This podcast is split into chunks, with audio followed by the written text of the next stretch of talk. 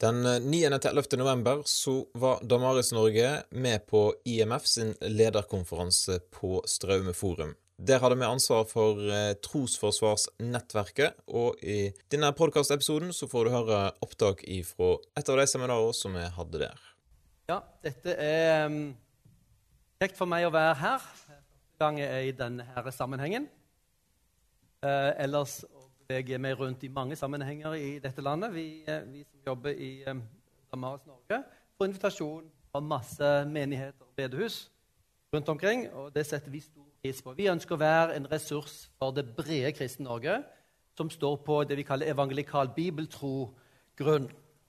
Eh, og vi representerer en god del ressurser og en god del tenkning som vi kommer til å dele med dere nå denne, eh, gjennom disse her dagene. Så, så, om ikke alt sitter i hodet på deg etter vi har uh, hatt undervisningen her nå, så skal dere vite at disse ressursene fins. De fins på nettet, på snakkomtro.no bl.a. Um, og det fins faktisk studier du kan ta for å studere dette. her. Uh, når vi hadde Veritas-konferansen for ca. en uh, måned siden i, i Grimstad Den store, den store kristne apologeten John Lennox var på besøk. Uh, og en, en, en, morsom ting der er at en av studentene våre fikk vi pga. John Lennox i Oxford. Han, John Lennox hadde undervist våre studenter i en del år, og så ble han for travel etter debatten med Richard Dawkins. Da ble han et sånn kjempekjendis, kristen kjendis globalt. Eh, og så var det en kristiansander som kom til tro gjennom nettet ved å høre på debatter mellom kristne ateister. Og John Lennox sine argumenter, ikke minst det som berørte historisk Jesus, overbeviste han, som ble kristen. Og spurte vet du om noen menigheter her i Kristiansand eller noe sted jeg kan studere dette. Så han, ja, mine venner på Gimlekollen de holder på med dette. Så var han i vårt nabolag, hadde ikke hørt om oss, eh, men hadde studert hos oss. Tidligere ateist. Så han finner ut at å, det er jo de kristne som har de beste argumentene. Og hvorfor har ikke vi hørt det noen gang? Og hvorfor er alles oppfatning i dette her landet omtrent at kristne har egentlig ikke noe å komme med? Følg meg inn i apologetikken. Jeg tror det er en av de viktige tingene våre. En av de, en av de sviktene som det moderne Kristen-Norge um, står for. Fordi vi har levd på statskrykker i 1000 år. Staten driver kristendommen. Vi trenger ikke forsvare noe. Sant? Vi har et system. Og så er vi på vei tilbake til kanskje sånn som det var før keiser Konstantin, før statsreligionen kristendom ble oppfunnet. Hvor var minoritet, hvor vi ble utfordret, og hvor kristne skjerpet seg. De måtte vite hva de trodde, og hvorfor de trodde, og få hjelp til å kunne formulere dette. Det var noe, det var noe av det som særpreget de kristne.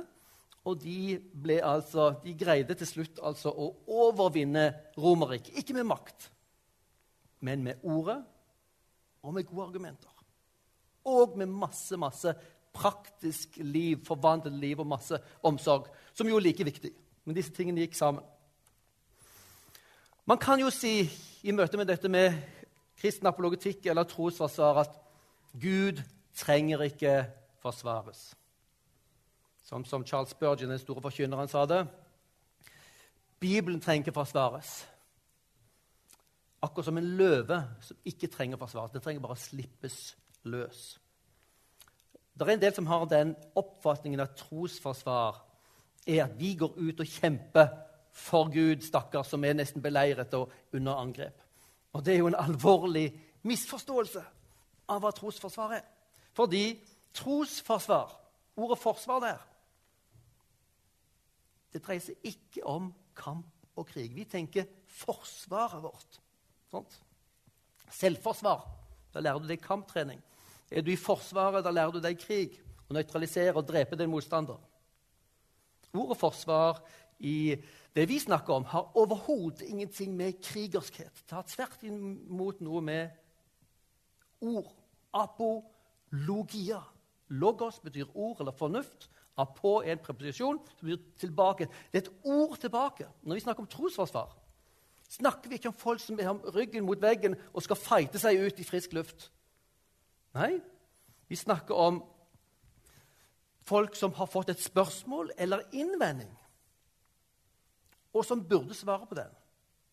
Trosforsvar er et ord som er hentet fra rettssalen i antikken, hvor det på forhånd er levert en kategorier, en anklage.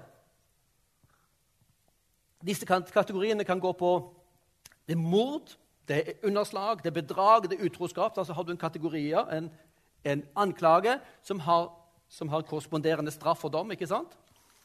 Og når du har rettssalen, så skal du få lov til å svare for deg.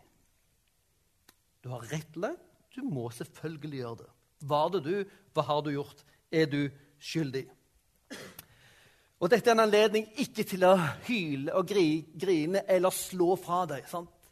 Dette er en anledning til å tenke klart, være klok, vis til evidensen. Vær tydelig, transparent. Prøv å være overbevisende. Ikke prøv å manipulere de du snakker med. Eller sånn som i militæret. Du prøver å gjøre det minst mulig synlig, sånn som våre berømte korvetter. Eh, skipene, Krigsskipene, ikke sant? Skal være minst mulig synlig, og så går de Jeg vet ikke hva. Men, men uh, det er ikke måten å drive trosforsvar på, hvor vi legger et svært røykteppe for å stikke av gårde. Nei, vi skal stå der og så skal vi lytte til spørsmålene. Og hvis det er et spørsmål som er relevant, så, så burde vi tenke gjennom og svare på det. Og så tenker vi Det er viktig at vi normaliserer dette med trosforsvar og det vi kaller apologetikk, som er det greske, den tekniske termen for trosforsvar. For det er jo slik at alle spørsmål må jo møte alle livssyn må møte spørsmål og innvendinger. og Derfor har alle livssyn sine apologeter. Sånn, ateistene har sine talsmenn som argumenterer for sitt ståsted og svarer på utfordringene. Og Det samme trenger vi kristne å gjøre. Og Det er vi nå i ferd med å oppdage i Norge. og Det å se såpass stor sal her er en kjempeoppmuntrende ting. Disse tingene har vi jobbet med i 30, kanskje 40 år. Eh, mye blant kristne, først og fremst. Å vekke kristne til dette behovet. Eh, og nå begynner vi å kjenne trykket fra kulturen. Du kan ikke bare si til folk ja, du må bare tro. Bare prøv litt mer. Eller det er bare uviljen din. Nei, folk har ordentlige spørsmål. Um, og de nye artistene har hjulpet oss og tvunget oss til å måtte tenke ordentlig over hva det vi tror på. Følg meg inn i apologetikken. Det er tre grunner til at vi trenger å drive med trosforsvar, eller nå får dere det fremmedordet som heter apologetikk, med en gang. Følg meg inn i apologetikken fordi Bibelen befaler det. Bibelen befaler oss å drive med trosforsvar. Og Da har vi med en gang det kjente verset i 1. Peters brev. Og For meg er det en ekstra oppmuntring at han som skriver dette, ikke er Paulus. For Paulus var professor, fagperson, toppkvalifisert. Han var så kvalifisert at Peter jo skriver i et av sine brev i andre brev at noe av det Paulus skriver, er jo vanskelig å forstå. Så, så Peter hadde problem med å forstå Paulus. Men det er Peter som sier følgende da snakker Peter til, til, de som bor i det som er nå er Nord-Tyrkia, og sier at det kommer til å komme en forfølgelse som er verre enn det dere nå opplever. De begynner å kjenne presset og har blikket klart festet på Jesus og rense dere for denne her tiden. Husk hvem som ga sitt liv for dere. Og så sier han dette. Vær ikke redde for dem, la dere ikke skremme, men hellige Kristus som Herre i hjertet. Peter visste hva frykt var. Vi har nettopp eh, for en søndag siden hørte om Peter som gikk på vannet, og som ble grepet av frykten. Peter som fornektet Jesus, har vi jo hørt om. Drevet av frykten, sånn at han fornektet Herren Jesus. Hellige Kristus som er Husk hvem dere tror på. Husk at han døde for deg og sto opp igjen. Han er mye større enn utfordringen som kan ramme deg. Det er det første. Og det er en interessant ting på apologetikken. Begynne med følelser. Få de på plass ved å huske hvem Jesus er. Og så kommer 'Vær alltid klar til forsvar' når noen krever dere til regnskap for det håp dere eier. Peter sier dette til alle kristne. Vær klar til å svare. Og Vi kan forberede oss på det. Det er ikke alle spørsmål som er lette. Noen av de må vi overlate til spesialistene. Men mange av de kan vi sette oss inn i. Og noen av de kan vi gi, eh, henvise til bøker med. Og Det er grunnen til at vi har med noen av de viktige ressursbøkene her for dere. Så dere skal ha de bokhyllene deres. Og når folk kommer med spørsmålene, så kan dere si ja, her var det faktisk noe stoff om dette. her. Man gjør det ydmykt og med Guds frykt, sier Peter. Peter kjenner jo også til den kampen, det, det hovmodet, hvordan det kan ødelegge for både troen og for andre mennesker. Så dere kan ha en god samvittighet. Peter sier dette som en befaling til alle kristne. Vær alltid klar til forsvar. Med andre ord, det er ikke bare etter en konferanse så skal vi gjøre noe, men vi skal konstant være våkne for spørsmålene, så vi har befalingen om det. Vi skal også følge Jesus og våre troshelter inn i apologetikken fordi Bibelen begrunner dette her. Hvorfor skal vi svare? Som vi ser fra her um, ja, Dette igjen Peters kommentar. Vær klar til forsvar når noen krever det til regnskap for det håp dere eier. Vi påstår her at Jesus Kristus døde for våre synder, sto opp igjen for vår frelse. At han en gang skal komme igjen til å fornye himmelen og jorden. Skape en jord hvor rettferdighet bor. Det er ufattelige påstander. Og da er utfordringen for oss hvordan kan dere begrunne dette? Hva er regnskapet deres? Hvordan kan det komme med bare sånne påstander ut i luften? Og vi har et regnskap. Jesu Kristi oppstandelse fra de døde. En av de bøkene her, den hvite til Stefan Gustafsson, går spesifikt på historiske argument for Jesu oppstandelse fra de døde. En av de mest interessante tingene som vi trenger å kjenne til som et godt argument for den kristne troens sannhet. Med andre ord, De som stiller spørsmålene, har rett til å spørre om begrunnelse. Og de kan faktisk ha grunn for å være skeptiske. Folk blir lurt. Det er mye bedrageri rundt omkring på religionsfronten. Hvordan kan de vite at vi ikke er en i rekken? Jo, vi trenger å vise. Åpne opp, kom og undersøk. De krever ikke du skal tro noe på forhånd, men kom og undersøk. Gi dem den boken i hånda. Ta, og Se dette her, og Vær litt ærlig og oppriktig. Se, er ikke dette her troverdig? Kom og undersøk. Bibelen begrunner det med at folk har rett til å stille spørsmål og kanskje grunn til å være skeptisk. Og så siste Følg meg inn i apologetikken fordi Bibelen demonstrerer dette. Store deler av Nytestamentet kan vi si i det vi kan kalle apologetisk litteratur. De er skrevet for å vise hvordan den kristne troen er troverdig. Og i møte med spørsmål og innvendinger som var i kulturen. Nesten hver eneste bok i Nytestamentet kan du finne det i. Um, og Et av de sentrale eksemplene var nevnt her, med der hvor hun Damaris kom til tro, i Aten. Og det interessante er at Paulus bruker ikke et eneste bibelvers. Hvordan kan han? Han som trodde på Det gamle testamentet mye mer enn oss. Ikke ett bibelvers i hele prekenen. Men han siterte deres egne hedenske diktere og filosofer. Genialt. Paulus hadde et kristent perspektiv, helbibelsk perspektiv. Men han forventet ikke at folk kjente Gamle testamentet eller trodde det. Men innholdet er det samme som han ellers ville, eh, ville hatt. Men språkbruken og argumentene må tilpasses arenaen. Nå snakket vi med greske filosofer, så trenger du et annet språk. Og det greide også Paulus. Og vi trenger å være misjonærer som tilpasser oss kulturen vi lever i. Og, og dette med populærkultur, som Anne Sofrid jobber med, er en av våre utfordringer og våre muligheter.